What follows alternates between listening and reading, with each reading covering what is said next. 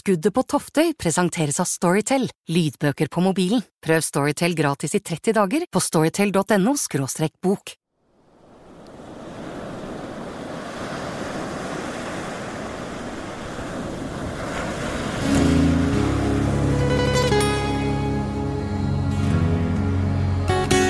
Den 2. juli 2013. Fra en bukt på Tjøme er båten Toftøy på vei innover Oslofjorden.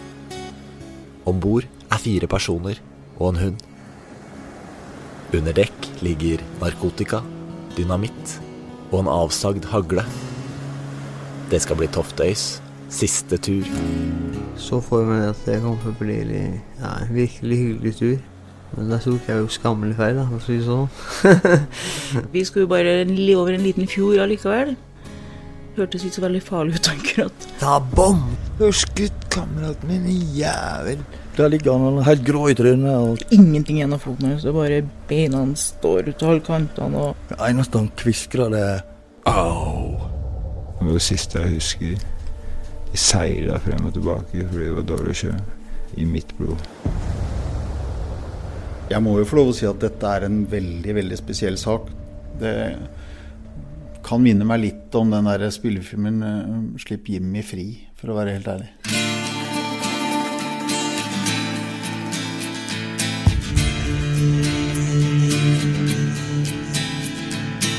A-magasinet presenterer Skuddet på Toftøy. En podkastserie om et skipsforlis, et hagleskudd og en etterforskning uten svar. Laget for Aftenposten av Sindre Leganger.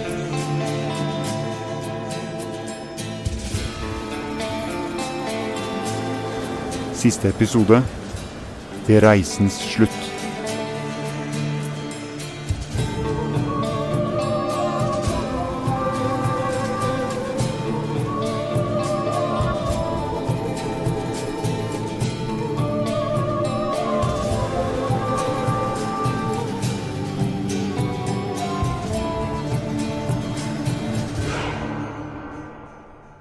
Alle hendelser oppleves forskjellig av dem som er til stede. Hvis det har skjedd noe kriminelt, blir politiets oppgave å finne ut hva som er sannheten. Hvis det ikke finnes bevis, er de avhengig av det vitnene forteller, og vitnene kan både huske feil og lyve.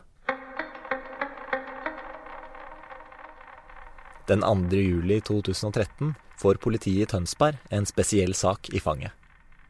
Om bord i en båt i skjærgården har en mann blitt skutt i beinet av en avsagd hagle. Politiet finner både narkotika og dynamitt om bord. De tre andre passasjerene blir arrestert og sikta.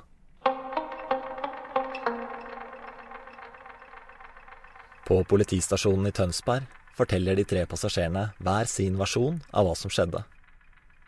På noen viktige punkter skiller forklaringene seg. Spørsmålet for politiet er hvem de skal tro på. Ja, jeg er påtaleleder i eh, den gang eh, Vestfold politidistrikt eh, og i Tønsberg.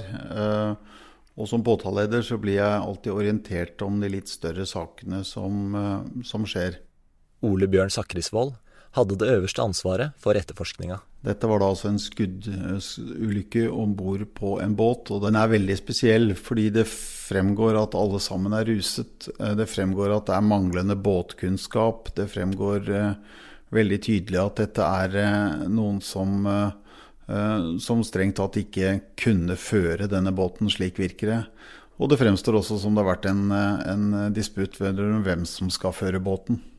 Vi foretok jo selvsagt pågripelse og avhør av alle sammen for å prøve å kartlegge hva som hadde skjedd. Og vi foretar alle både tekniske og taktiske undersøkelser som vi kan. Skuddofferet Sindre har blitt flydd med helikopter til Ullevål. Der blir han lagt i kunstig koma, mens venstrebeinet hans blir amputert. Beinet blir pakka inn og fryst ned, i tilfelle det skal gjøres en rettsmedisinsk undersøkelse. Ja, jeg blir lagt i kunstig koma, så jeg våkner etter eh, to døgn, er vel, da. Og da eh, Ja, jeg husker det at jeg, finner ut at de har kappa benet på meg, og da liksom eh, blir jeg blir forbanna for det. da, liksom, ja, 'Jeg kjente jo fremdeles at beinet var her', og sånn. det var sikkert ikke så veldig mye igjen. da. Det var sikkert bare noe oppi hodet mitt. så det var neppe noe særlig igjen å redde der. altså. Den 18. juli 2013, altså 16 dager etter båtturen, avhører Sindre for første gang av Tønsberg-politiet, mens han er innlagt på rehabiliteringsavdelingen på Aker sykehus. Eh, Jeg sier jo bare at jeg ikke husker noe. Jeg ikke husker hva som har skjedd. For jeg er usikker på hva jeg skal si. Og så lenge jeg ikke vet hva jeg skal si, så velger jeg å si at jeg, jeg husker ikke. Vet ikke. Det var kanskje mindre smart av meg, men sånn jeg var fremdeles usikker på om dette her var kamerater av meg, eller hva faen det var. Jeg var usikker på hva det var som har skjedd i det hele tatt her, jeg òg. Sant? Men eh, ja. Var, jeg var kanskje passelig naiv og, og dum oppi det hele, da, men uh, etter hvert som jeg, tida gikk, så fant jeg ut at hvorfor skal jeg drive og beskytte en som bare har vært ute etter faen hele tida og ville ha ødelagt livet for meg, liksom. To dager etter det første politiavhøret ringer Sindre til Tønsberg-politiet og sier at han er blitt mer og mer sikker på at det ikke var noe uhell at han ble skutt. Han ber om å få lov til å forklare seg på nytt. Jeg er jo en fyr som virkelig har et problem med meg. Hvorfor i helvete skal jeg drive og beskytte han, liksom? sant? Det finner jeg jo ut etter hvert som jeg ligger på sykehuset her, da. Så da finner jeg ut at nei, jeg får bare fortelle dem hva det er som har skjedd her. Men før Sindre får forklare seg på nytt, avsluttes etterforskninga av Tønsberg-politiet. Ja, fornærmede eh, er jo for det første skadd, og da skal man vektlegge at eh, man snakker i og for seg da kanskje eh, både i sjokk og i andre ting. Men fornærmede er i hvert fall ikke helt eh, fjern for at dette kan være noe man kan ha gjort selv. Han endrer jo forklaring senere at det har vært en kamp om dette våpenet som var avsagd av hagla, som var stukket ned i bukselinninga hans. Men påtalemyndigheten må jo være overbevist om skyld, og at det kan føre bevis for det i retten, og det var vi ikke i denne saken. Hvorfor ikke? Nei, fordi det var sprikende forklaringer. For det første hvem som faktisk var inne i kahytten når dette skjedde. Hva som var bakgrunnen for at eh, det ble avfyrt dette våpenet. Og, og i tillegg hvordan man forholdt seg både før og etter til det. Den 25. juli, altså fem dager etter at Sindre har bedt om å få forklare seg på nytt, men før han har fått muligheten til å gjøre det, og før den rettsmedisinske undersøkelsen av det amputerte beinet er klar, henlegges Toftøy-saken av politiet. Begrunnelsen er at intet straffbart forhold kan bevises. Og bakgrunnen for det er jo kort at man finner ut fra de sprikende forklaringer og tekniske bevis og andre ting at det ikke er nok til å ta ut tiltale og føre bevis for dette i retten. Og da skal uh, hen, saken henlegges. Vi skal jo ikke føre ting for retten som vi ikke kan bevise. Det er jo en, en del av det at uh, enhver er uskyldig inntil det motsatte er bevist. Og kan vi ikke bevise det, ja, så skal vi heller ikke belaste verken rettsapparatet eller andre med den type saker. Konsekvensen av det er jo selvsagt at det blir en del saker som blir henlagt som man uh, egentlig mener sjøl at man Ja, jeg, vi er nesten sikre, men vi er ikke sikre nok. Og da blir det henlagt. Det kan av og til være vanskelig for både fornærmede og vitner og andre i saken å faktisk akseptere. Eh, Og det har jeg forståelse for, men sånn er det faktisk. Ja, han fornærmede han Sindre, han mener seg skutt av noen andre. Og så er det ingen som blir straffa for det. Nei, men han mente innledningsvis også at han kunne gjort det sjøl. Eh, og, og, og samtidig så er det slik at eh, det er vel på det rene at han har hatt med denne hagla om bord og hatt den i bukselinninga. Eh, og da kan du jo si at ja, hvorfor gjør han det? Hva skulle han med den om bord der? Jeg er usikker på om det faktisk er slik at det har vært en kamp om det, og hvorfor det. Og hvem som eventuelt da har skylden for at det har gått av, hvem som har fingeren på avtrekkeren, ja, det klarte vi ikke be, eh, føre bevis for. Eh, og da blir det av og til slik at man henlegger saker som fornærmede selv føler at er både urettferdig og, og, og galt. Jeg må jo få lov å si at dette er en veldig veldig spesiell sak, som når man leser forklaringene, um, er veldig rar. Det er folk som ikke er båtkyndige, som kjøper ei svær båt, eh, reiser ut, går på grunn en rekke ganger, krangler om hvem som skal føre båten. Det er en skuddskade, det er, det er det er dynamitt om bord og alt dette. Det er en veldig rar sak. Eh, og så kan man stille spørsmålet hvorfor endte ikke dette opp i noe? Eh, og da er jo litt av forklaringen er at den alvorlige handlingen klarte vi ikke bevise. De andre tingene overså vi ganske enkelt i denne saken. Eh, å ta ut noen tiltale for noe bruk av narkotika i en sånn sak så vi ikke hensiktsmessig.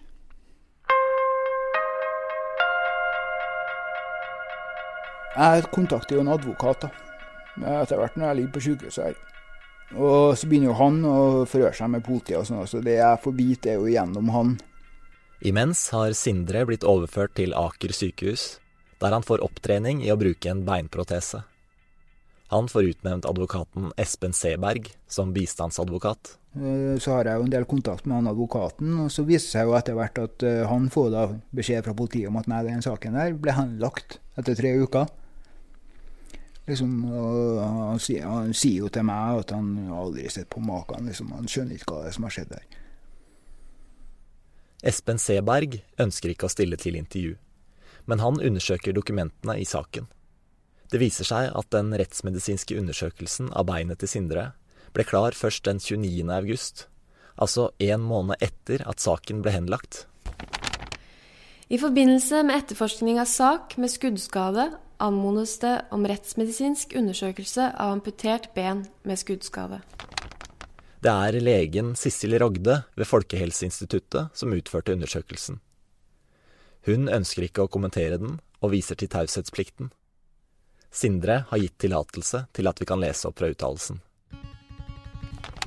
Det er av interesse for politiet å få uttalelse om hva slags skytevåpen er benyttet, er det mulig å si noe om skuddets retning og avstand? Er skuddskadene forenlige med at fornærmede selv har holdt våpenet? Utenpå emballasjen er benet merket med smitteavfall, dato 2.07.2013 og stue 10 fra Oslo universitetssykehus Ullevål. Preparatet er av et amputert ben bestående av hele leggen og foten samt de nedre 10 cm av lårbenet. Baktil på leggen, litt over mot lilletåsiden, finnes en gapende defekt som urørt måler ca. 8 cm i diameter. Defekten er relativt rund, med flere utløpere, og man aner litt sagtakking i kanten enkelte steder.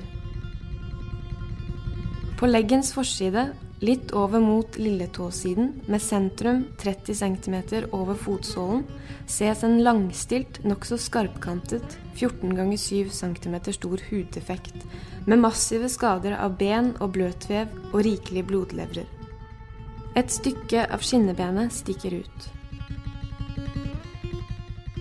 Ut fra innskuddsåpningens utseende samt de tallrike metallfragmentene kan det konkluderes at fornærmede er skutt med hagle.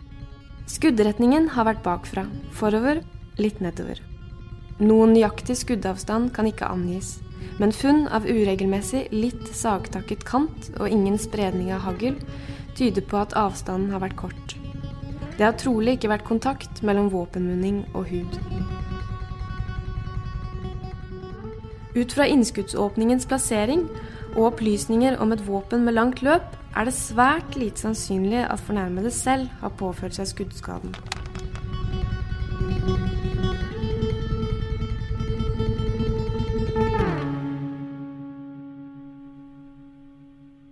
I den rettsmedisinske uttalelsen beskrives det antatte våpenet som 115 cm langt. Det stemmer ikke overens med det både passasjeren Anne og skuddofferet Sindre har forklart til politiet. I den andre forklaringen sin beskriver Sindre hagla som avsagd og rundt en halv meter lang. Skulle jeg først ha løyet om uh, hva det er som har skjedd her, så er det så mange ting jeg kunne ha løyet om som har vært mer gunstig for meg. Sant? Det har ikke vært gunstig for meg å sagt at uh, vi løy om at jeg hadde kystskippersertifikat. Altså, vi hadde med oss masse rusmidler. Sant? Jeg hadde i meg masse rusmidler her og sto og kjørte svær jævlig båt som jeg ikke hadde lov til å kjøre. Sant? Jeg hadde med et ulovlig haglgevær. Det var dynamitt om bord. Hvorfor faen skal jeg sitte og si alle disse tingene her hvis det ikke var fakta? Også det om at den hagla var avsagd. Den hagla ligger jo på havets bunn. Sånt? Det ville ha vært mye mer fordelaktig for meg å sagt at nei, hagla var en vanlig hagle. Sånt? Da hadde den vært en halvmeter lenger. Det ville ha vært enda mer umulig for meg å, å, skutte meg sjøl med den. Sant? Så når jeg forteller at det er avsagd hagle det er snakk om, den er jo da ganske betraktelig mye kortere, så blir det gjort en ny vurdering. På oppfordring fra politiet leverer rettsmedisineren Sissel Rogde den 10. oktober en tilleggsuttalelse. Hun opprettholder de tidligere konklusjonene sine, men legger til et lite stykke til slutt.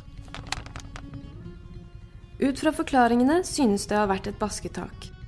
I løpet av dette skal våpenet ha gått av. En kan ikke helt utelukke at fornærmede kan ha holdt i våpenet når dette har skjedd, men ut fra de fysiske forutsetninger, løpets lengde og skuddretning, er sannsynligheten større for at det ikke er fornærmede selv som har avfyrt skuddet.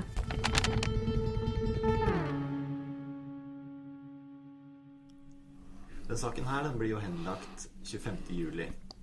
Og så en måned seinere, altså 29.8, så kommer den første rettsmedisinske rapporten.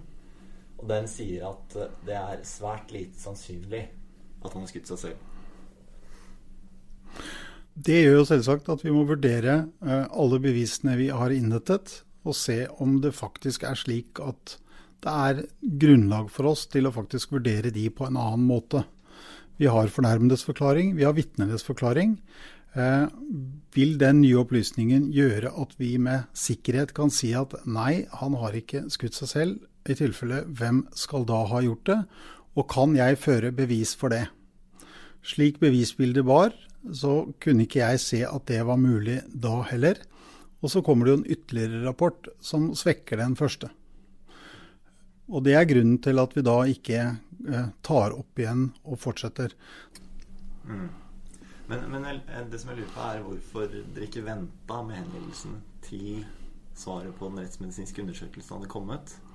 Problemet var at vi hadde jo fremdeles ikke nok til å kunne si at noen andre hadde gjort det, ut fra de vitneforklaringene vi hadde. Eh, fordi de sier at svært lite sannsynlig. Og jeg husker ikke hva neste rapport sa, men eh, der var det vel noe mer nedtonet. Kan ikke utelukkes. Kan ikke utelukkes. Og, men fortsatt lite sannsynlig, da. Kan ja, ikke kan ikke utelukkes. Og det er engang slik at vi har et meget strengt beviskrav i norsk rett. Og jeg må være overbevist, og jeg må være overbevist om at jeg kan overbevise retten. Og er jeg ikke det, så kan jeg ikke eh, ta ut tiltale mot noen, og følgelig ble saken henlagt.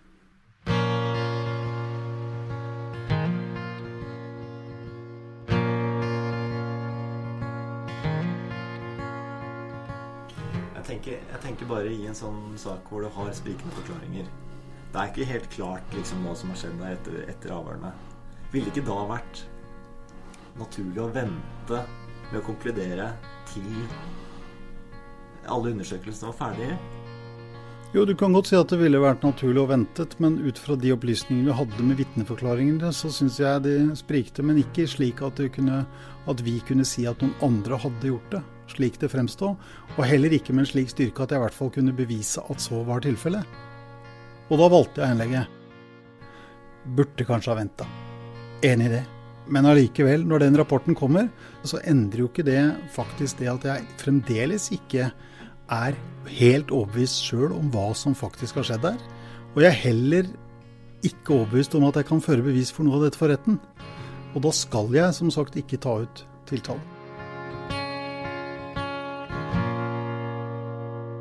Hør mer etter pausen.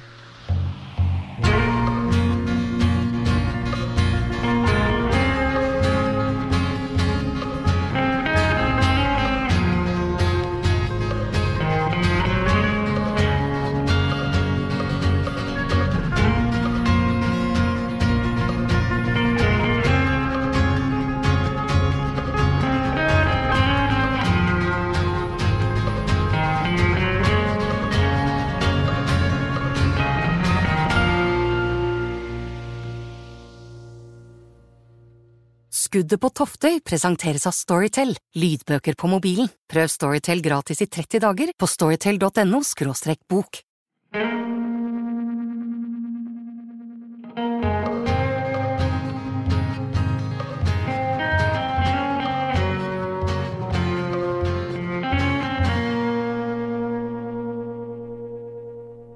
Etter litt over tre ukers etterforskning blir Toftøy-saken henlagt. Sindre søker seinere om voldsoffererstatning, men får avslag to ganger. Grunnen er at det ikke kan bevises at han har blitt utsatt for en straffbar handling. Nei, altså Det spiller egentlig mindre rolle for meg hva folk ellers tror, altså. Folk får tro hva faen de vil. Jeg vet hva som skjedde, og det tror jeg nok de andre som var om bord der også gjør. Jeg tror både Jonny og Jon Gunnar vet utmerket godt hva det var som skjedde her. De velger å lyve om det, det får de stå for. De tre andre som var om bord, får et brev fra politiet i posten, der det står at siktelsene for legemsbeskadigelse med skytevåpen er frafalt. Dermed er ikke Jon Gunnar i Stryn under etterforskning lenger. Så jeg har hatt mange rare tanker i hodet om de greiene der etterpå. jeg har tenkt. For at, men det er det det går tilbake på. Det er det at Å, dette er skjult kamera. Dette er faen meg arrangert. Dette der er for dumt. Dette er sånn som du faen meg ser på film. Dette der er så hinsides gale at det ikke er snakk om at dette her er virkelighet, og dette her faktisk skjer, at det er sant. Men hva hadde skjedd hvis jeg var der oppe da når dette skuddet gikk? Har jeg sittet inne ennå, da, kanskje? Ja, da veit ikke jeg hva mer skulle jeg eh, tilføre der, da skulle gi meg noe mer uh, troverdighet eller noe som helst. Jeg hadde jo på mange måter gjort alt som sto i min makt for å hjelpe. Men uh, det er vel kanskje en del av prislappen jeg betaler for amfetaminbruken min, da, som jeg selvfølgelig aldri helvete skulle rota meg borti. Jeg som er utkåret drittsekken i en historie der uansett. Sånn at uh, det, vekker jo en veldig sånn urettferdsfølelse i meg, da. For det blir jo helt skeivt. Men hvis det er sånn det skal, skal være, så får det nå være sånn. Men, uh. Altså, men jeg tenker, Når jeg hører historien fortalt Han har sin versjon, og du har din versjon. Og én av dem må være løgn. Én av dem må, mm. må være feil. Hva, mm. hva, hva, tenker du om det? Nei, jeg veit jo akkurat uh, hva som skjedde. Det er det eneste jeg tenker om det. Ellers så tenker jeg ikke mer om det. Jeg må bare prøve å legge det bak meg og gi faen i å tenke på det. For jeg blir så forbanna når jeg begynner å tenke på det greiene. Det koker nesten over hver gang. Sånn at uh, Ja. Jeg er bare helt paff. Jeg bare skjønner ikke, jeg skjønner ikke hva det går i. Jeg eh, veit bare at jeg har gullende reine samvittighet. Jeg gjorde alt som sto i min makt for å hjelpe, og gjøre det beste ut av alt. Jon Gunnar sier jo at uh, han ikke var til stede da skuddet ble avfyrt. At han var mm. på vei opp, men ikke var til stede. Hva, hva uh, tenker du om det? Nei, altså Han, han sier jo Han prøver jo å lyve seg ut av det. Uh, det er jo egentlig kjappeste og enkleste måten å få komme seg ut av en situasjon på. Det er jo å si at man ikke var til stede. Så, men uh, det er jo eh, Altså, de fleste vil jo eh, sikkert prøve å lyge seg ut av Det er jo snakk om fengsel her, Eller å bli straffa for det, liksom. Så det er jo lite interessant for de fleste å sitte i fengsel. Men, men um, kan, du, kan, du, se noen grunner selv for at du skulle uh, ønske At det ikke liksom den offisielle historien er at du skøyt av ditt eget bein? Det måtte jo eventuelt være for å få erstatning og trygdeytelser eller et eller annet sånt. Jeg vet, faen, folk, jeg vet jo at folk har gjort uh, mye sprøtt for å få seg både trygdeytelser og erstatning og sånne ting. Det, men uh, hallo. Det, jeg, for meg så blir det litt vel drøyt å skyte av seg beinet og ligge og fuckings blø i hjel. Jeg blødde i hjel, mann. De vekket meg opp igjen, ja, men jeg blødde i hjel. Sant? Så da måtte jeg jo ha et seriøst ønske om å dø, da. Hallo, jeg hadde nettopp kjøpt meg en båt. Jeg var på vei til å, sånn som jeg så det, så skulle jeg flytte inn i den båten her. Jeg har ikke noen grunn til å sitte og deppe og, og ønske å ta livet av meg på det tidspunktet der. Sånt. Hvorfor tror du Sindre skulle ljuge om, om det? Jeg tror eh, Sindren er så forbanna skamfull for å ha klart å blåse av sin egen fot med haglgevær for hele miljøet der nede, som han trakk ned i Oslo.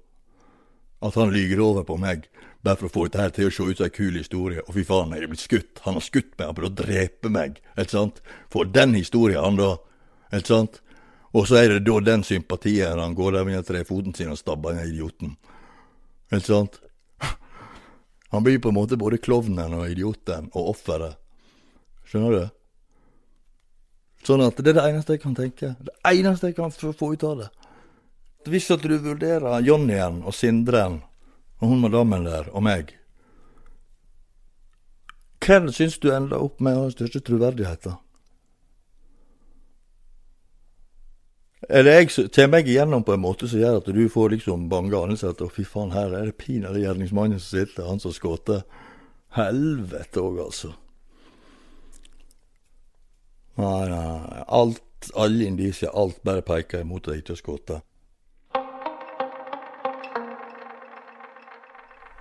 Hvis du skal se på alt det som skjedde i dag, altså hvordan ser du tilbake på det nå? Jeg prøver egentlig bare å legge det bak meg og komme meg videre. altså. Det er liksom, eh, det beinet vil ikke jeg få igjen uansett. Det er ingenting jeg kan få gjort med det som kan gjøre at det beinet kommer tilbake igjen. Så jeg må bare legge det bak meg og komme meg videre. Jeg kan, hvis jeg sitter og surmuler pga. dette, så vil jeg bli en grinete gammel gubbe som ingen ønsker å ha kontakt med. Sånt. Det gidder jeg heller ikke. Så jeg må bare legge det bak meg og komme meg videre i livet. altså.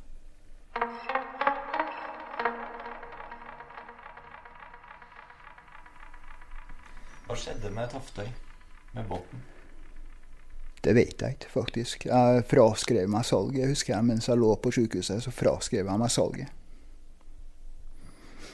Det var det siste som skjedde med som jeg vet om den båten her.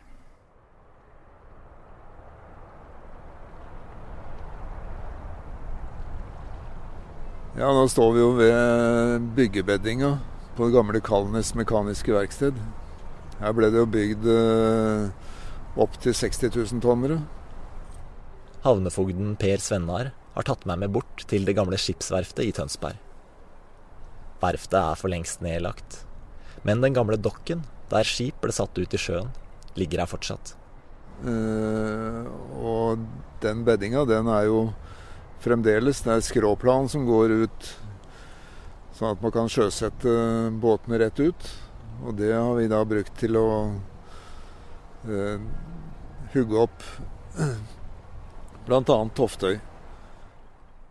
Toftøy var en i en lang rekke av uh, sånne gamle skøyter som vi har måttet ta oss av. Og derfor tok vi den uh, og med inn til det gamle skipsverftet der og satte den på grunn i, uh, i dokka. Hvor den veltet over. Og så ga vi den til Buskerud Gjenvinning, som hugde opp båten. Helt konkret er det at man, man rett og slett spiser seg gjennom en gravemaskin. Rått og brutalt. Så da ble den jo hugget etter hvert, da. Det var jo ikke noe særlig. Det var jo nede og Jeg så ikke på selve prosessen, for det orka jeg ikke å reise ned og se på. Men, uh, men jeg så det jo i avisen og sånn uh, etterpå. Knut André Hagen er den tidligere eieren av Toftøy. Samme kveld som han hadde solgt båten for 4000 kroner og en sykkel, ble han ringt opp av politiet, som fortalte at noe hadde skjedd om bord. Ja, hva er det han sa for noe? Det har vært en, en seanse om bord på Toftøy, eller noe sånt. En hendelse. Knut André ble kalt inn til avhør, der han fortalte om handelen. Politiet kunne ikke se at han hadde gjort noe galt. Ansvaret var overført, og dermed skulle Toftøy hugges. Nei, det var ikke noe, ikke noe stas i det hele tatt. Da hadde jeg liksom holdt båten oppe og gå i nær fem år, og så plutselig så skulle den bli til ved. Så det var ikke noe, ikke noe stas. Så jeg har egentlig ikke noe mer å si om det. Det var bare, bare ikke noe særlig.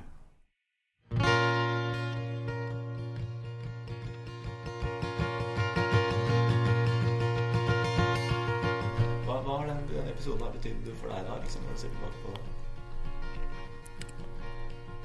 Nei, det har egentlig ikke betydd noen ting, annet enn at det var trist med båten. da. Har du sykkelen fortsatt? Ja. ja, ja. Hvordan ser den ut? En helt eh, vanlig offroader som jeg bruker å sykle til barnehagen med.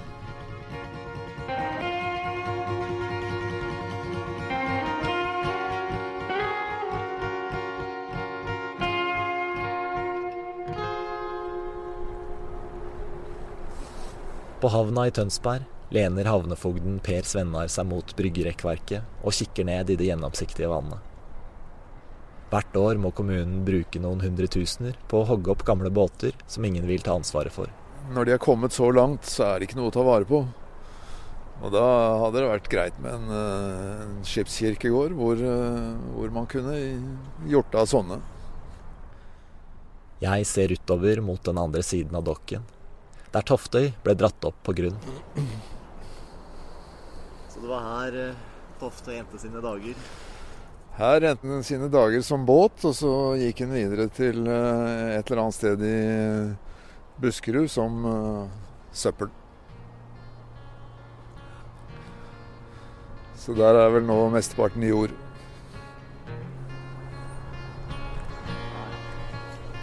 Sånn er det.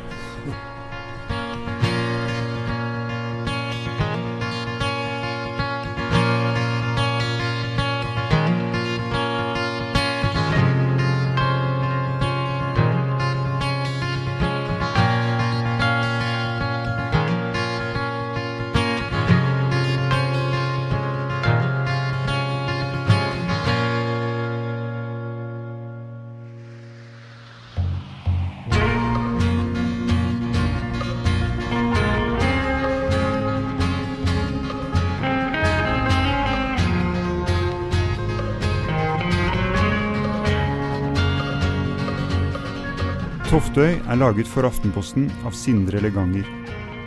Musikk ved Hans Kristen Hyrve.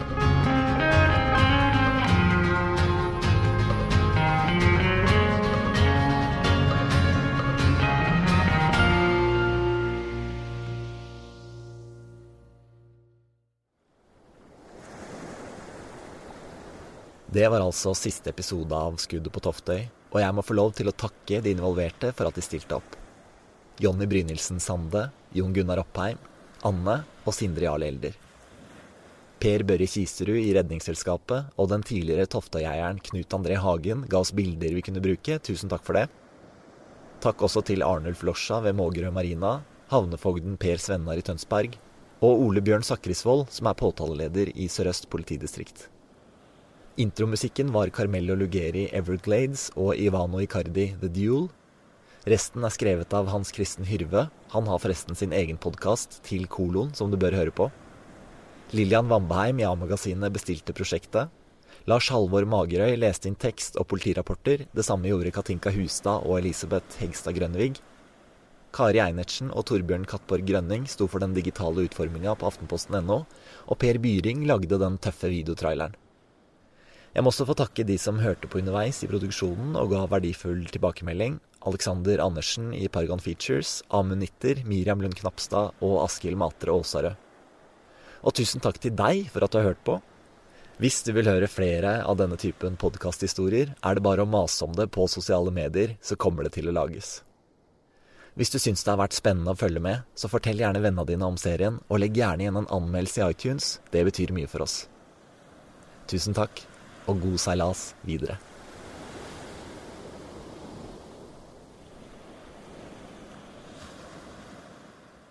Lytt til flere spennende historier i Storytel. Med Storytel får du tilgang til tusenvis av lydbøker og e-bøker når du vil og hvor du vil. Last ned appen til mobilen din og velg mellom spennende krimbøker, fantastiske romaner og internasjonale bestselgere.